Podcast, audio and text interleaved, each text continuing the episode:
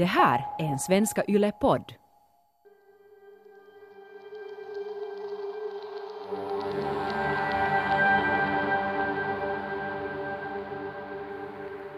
Mitt ute på en åker i byn Orisberg i Storkyrå i Österbotten finns en mystisk källa. Den är idag inte alls särskilt stor och kantas av en mörk bred gran och ett par björkar och ett rött, lite vingligt trästaket.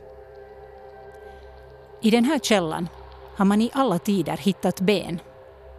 Människoben av närmare hundra personer. Och om våren brukar det vatten som fortfarande finns kvar i källan färgas rött. Källan heter Levanluhta och under århundraden har de här människobenen förbryllat folk.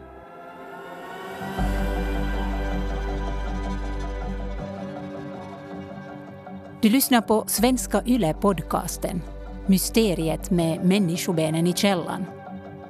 Och jag som fascinerats av den här platsen heter Johanna Grönqvist.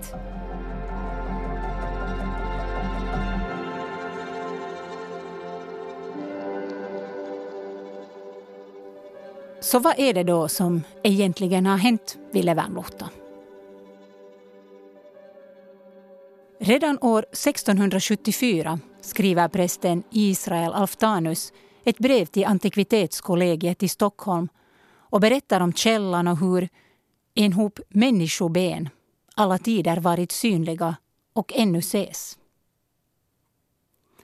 Då man på 1880-talet dikar runt källan för att få mer odlingsmark dyker nya människoben upp. Då misstänker man att det rör sig om en brottsplats och länsmannen bestämmer att benen ska grävas ner igen.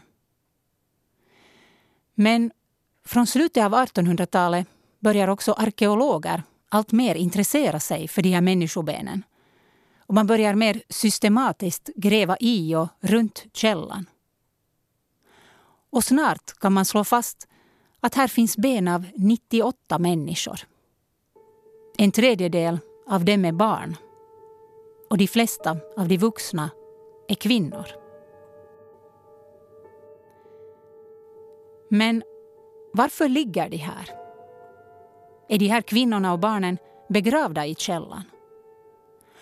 Och vem begraver människor i en källa när man i Finland under alla tider antingen kremerat eller grävt ner de döda? Är det då kanske så att de här kvinnorna och barnen dött i ett krig? Eller i någon epidemi? Eller är de mördade? Och varför finns det en sliten träskylt vid källan som säger att den här källan tillhör Louhis slavar? Louhi som i Kalevala härskade över Pohjola, kylans och ondskans rike. Eller ska vi välja att tro på de rykten som påstår att det hela handlar om en gammal kult som i tiderna offrade människor till källan?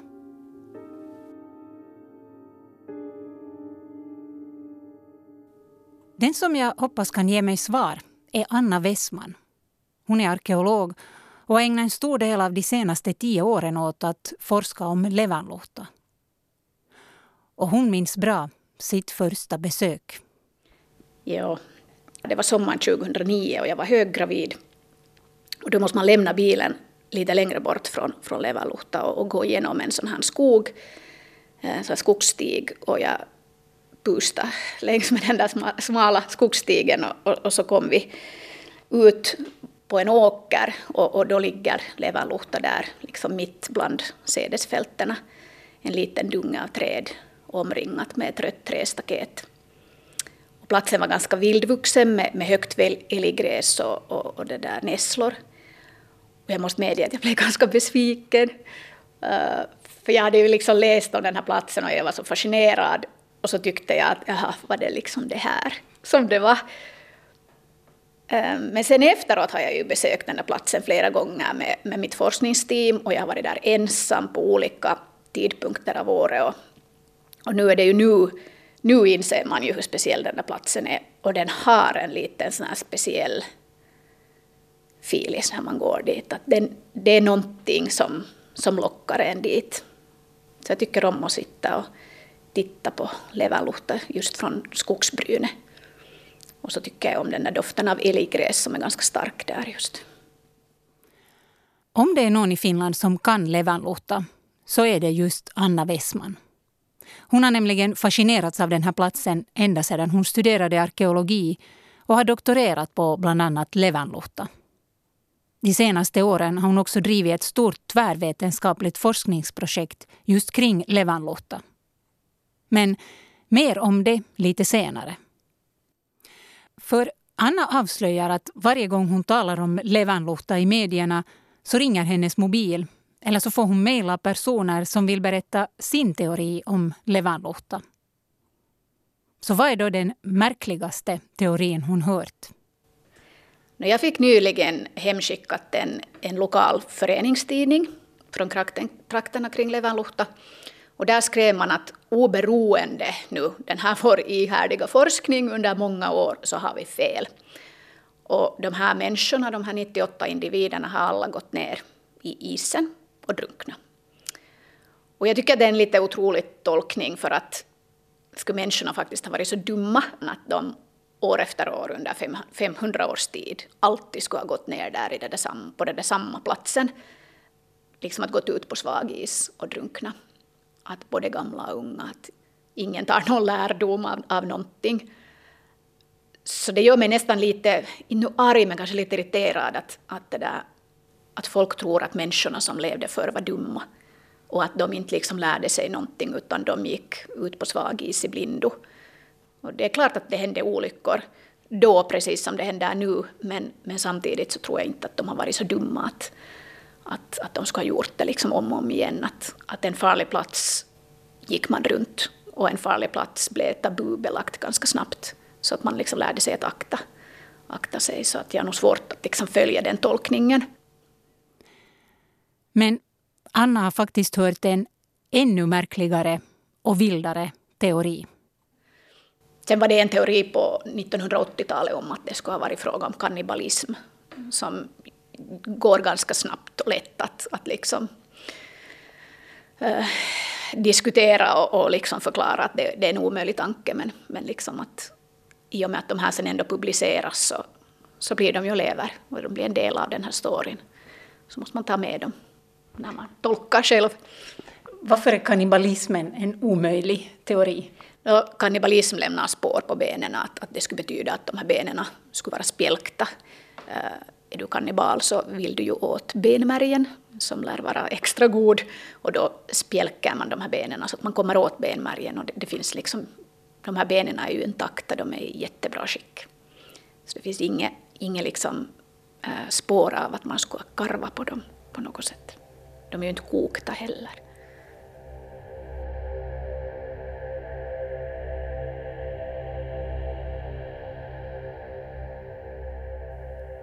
Men om vi då börjar med att utreda när de här människorna levt.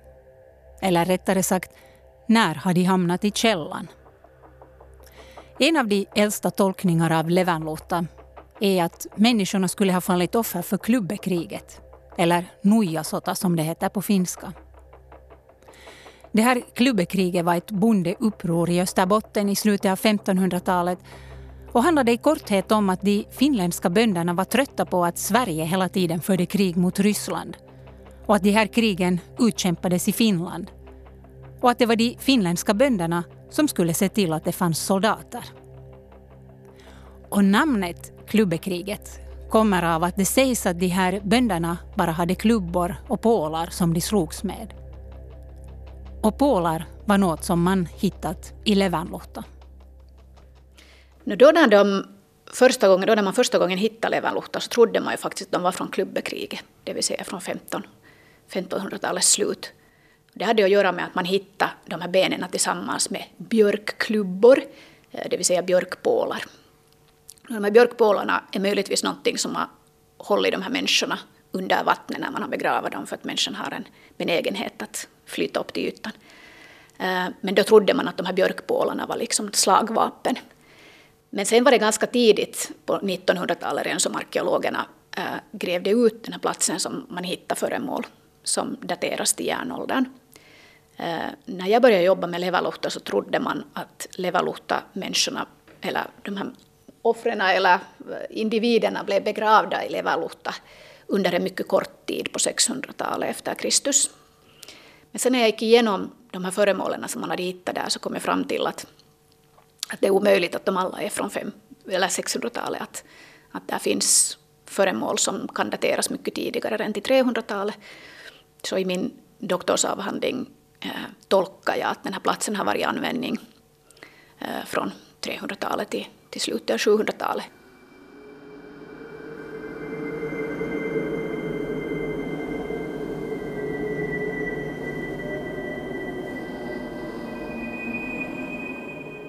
Men vad betyder det att vi nu pratar om 300 till 700-talet? Vad hände i världen under de här århundradena? Vad kan vi jämföra med? Det här är alltså tiden innan vikingarna började resa runt i världen. Det här är tiden då det stora romarriket börjar bryta ihop. En tid då det pågår många stora folkvandringar i Europa. Och en tid som man i Finland kallar för yngre järnåldern. Eh, det är en ganska intressant tidsperiod i Österbotten. Österbotten under järnåldern är otroligt rik. I synnerhet under romersk järnålder och folkvandringstid.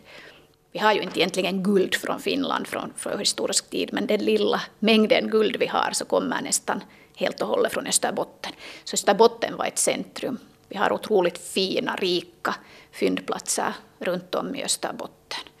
Vörå och Storkyrå är, är liksom sådana centrum. Sen vet vi att, att någonting händer där under merovingertiden.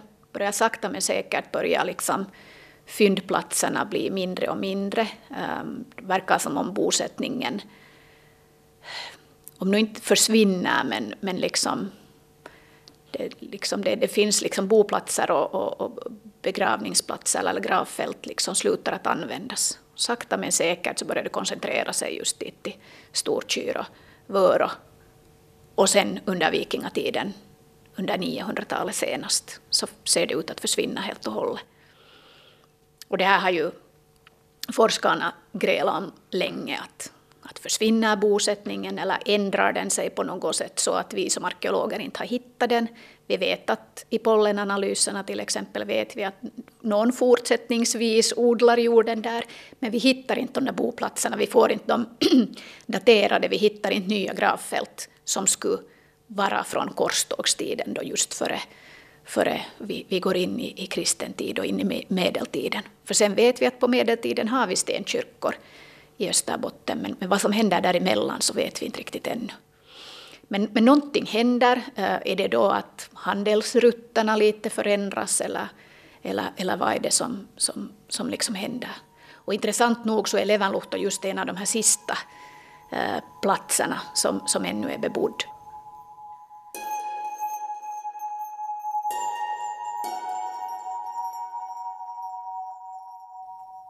Österbotten var alltså en plats med mycket aktivitet under järnåldern och Storkyrå och Vörå har fungerat som något slags centrum. Så vad har då Levanluhta varit? Vi vet att folk kommit hit under 500 års tid. Så det omkullkastar alla spekulationer om att det här skulle vara en massgrav för människor som dött i en epidemi som till exempel böldpest eller hungersnöd. Men det är 98 individer, främst kvinnor och barn. Det är många människor. Så vad har hänt dem? En teori om Levanluhta handlar om att källan är en straffplats. Att de här kvinnorna och barnen gjort något illa och som straff blivit begravda där. Och det här har att göra med att, att, att den gamla tolkningen var att, att Levanluhta har varit ett kärr. Och inga normala människor kan bli begravda i ett kärr. Det är inte en viloplats för goda människor. Och då måste de ju på något sätt ha varit onda. Och, och, och då är det lätt att, att tolkningarna börjar gå ditåt. Så att man har tänkt att det skulle kunna vara en massgrav för, för kriminella som då skulle ha blivit eh, straffade till döden eller att det skulle vara en, en, en gravplats för oönskade barn. Den här teorin om de oönskade barnen ska vi snart återkomma till.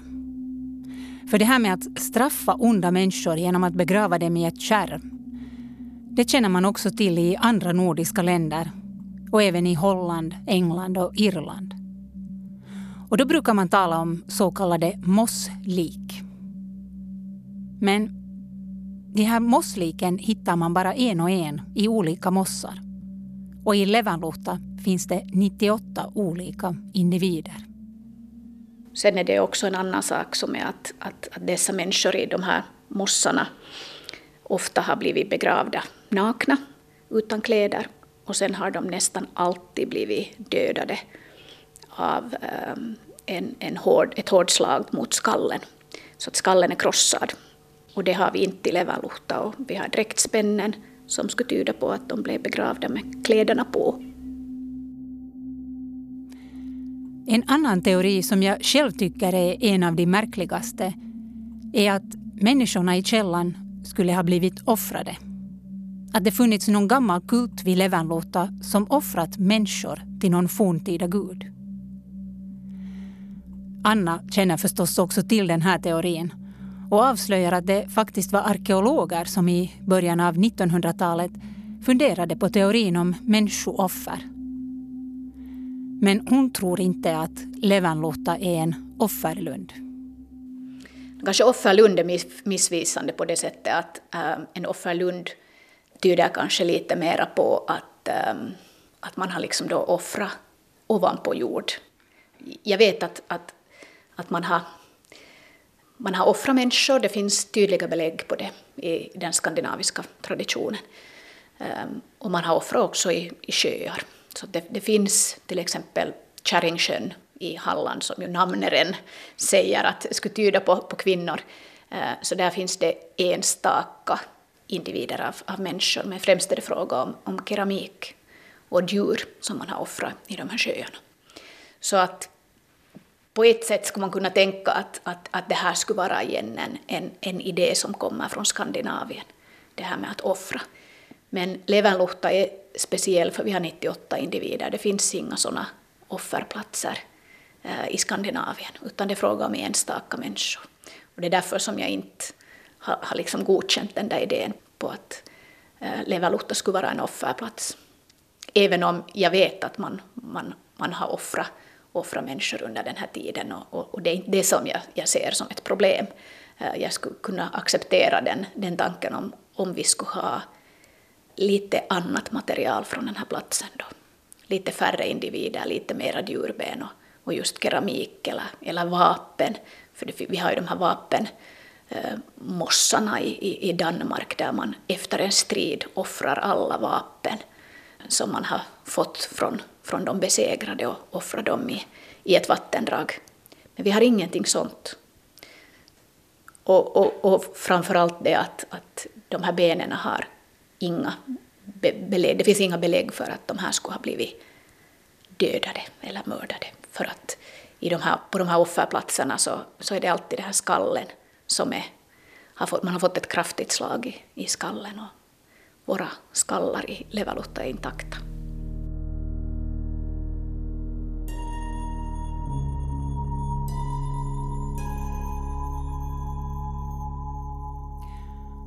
Okej, man har offrat människor under järnåldern, men inte i Levanluhta. Och en orsak till teorin om människooffer handlar om en präst och författare i Tyskland som hette Adam av Bremen och som levde på 1000-talet. Han skrev om asagudar och människooffer i Uppsala. Och hans texter har inspirerat forskare.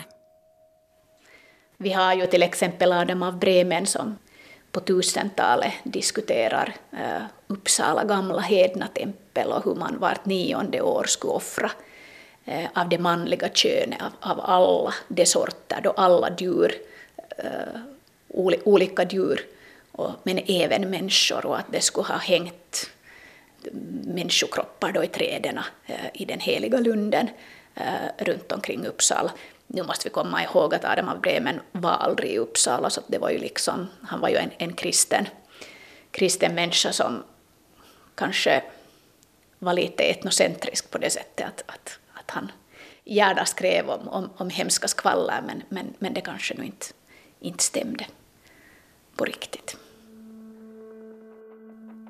Ja, enligt Anna var den här Adam av Bremen lite etnocentrisk. Han satte alltså sin egen kultur i centrum och tyckte den var bäst.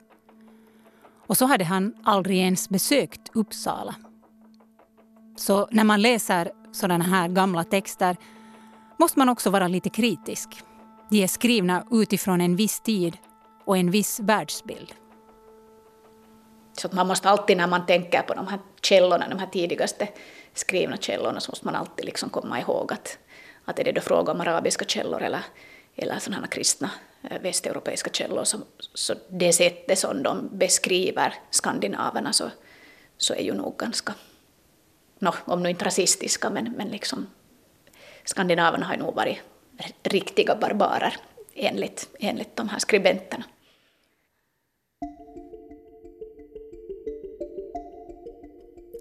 Så vi kan nu slå fast att Levanluhta inte är någon massgrav för kriminella. Och det har heller inte funnits någon underlig kult som idkat människooffer. Och inga kannibaler har heller varit i farten. Men så har vi den lite märkliga träskylten vid Levanluhta som säger att det är frågan om en grav för Louhis slavar. I Kalevala är Louhi den som styr över Pohjola. Hon brukar också kallas för Pohjolan emäntä eller Pohjolan akka och beskrivs ofta som en slags häxa med magiska egenskaper. Och det mörka Pohjola beskrivs som en farlig plats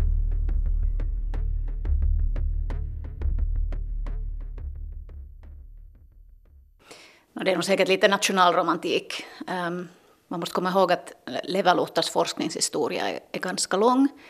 Och det är ju då den lokala befolkningen där i trakten som, som ehm, har samlat ihop pengar för att kunna lösa in den där marken som de har donerat till, till staten, till då Museiverket.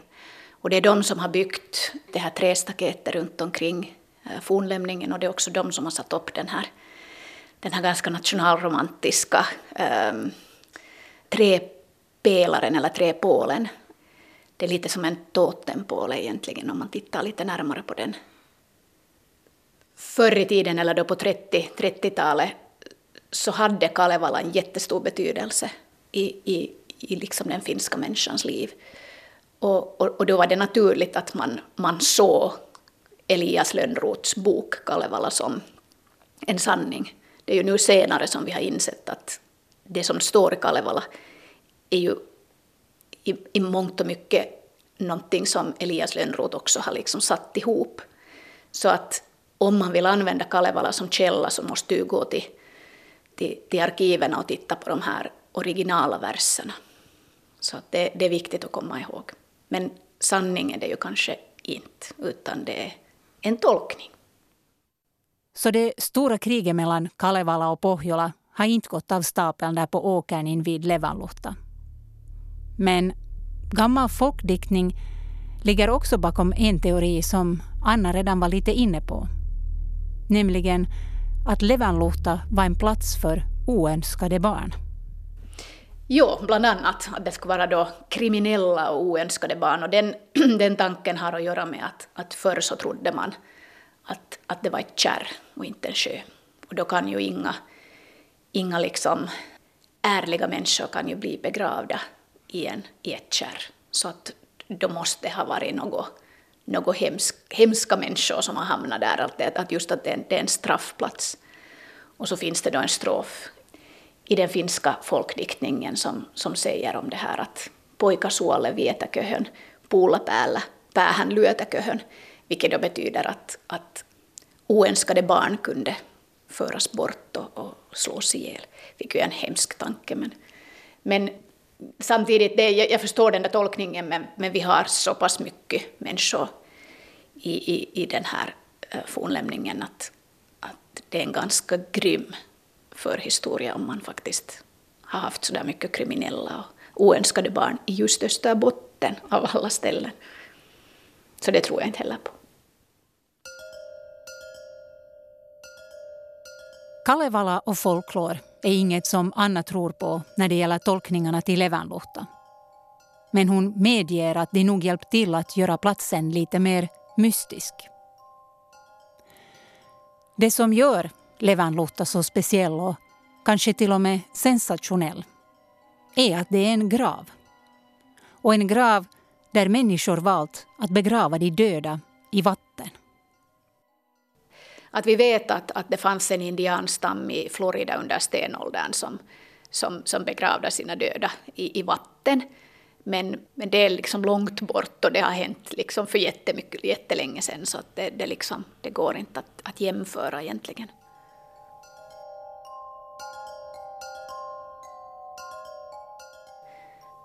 Levanluhta är unik därför för att liksom som arkeolog så är det fantastiskt att du kommer åt ett benmaterial på 98 individer som är så välbevarade att du kan studera dem. Nu var ju eh, det samtida begravningsskicket var kremering och kremering betyder att, att benen bränns bort och du kan inte egentligen studera dem på samma sätt. Mycket bevaras i och med elden men, men samtidigt så förstör elden mycket också.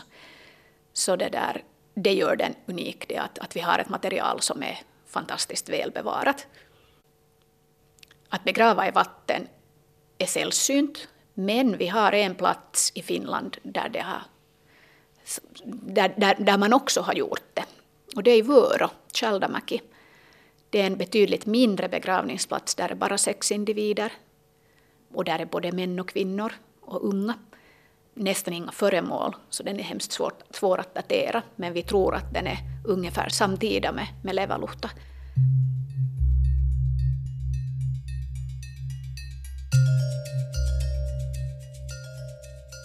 Levanluhta är alltså en väldigt unik grav. Ingen annanstans, förutom då i Tjeldamäki i Vörå, har man hittat sådana här vattengravar. Så då är förstås följande fråga. Varför begraver man i vatten? Och vem är det som ligger där? Är de slavar? Eller fattiga? Människor som inte haft råd att kremeras? Eller är de speciella på något annat sätt? Har de kommit till Levanluhta någonstans långt bort ifrån? Och kan då DNA-forskningen ge något svar? Och varför är det just kvinnor och barn som begravts i källan?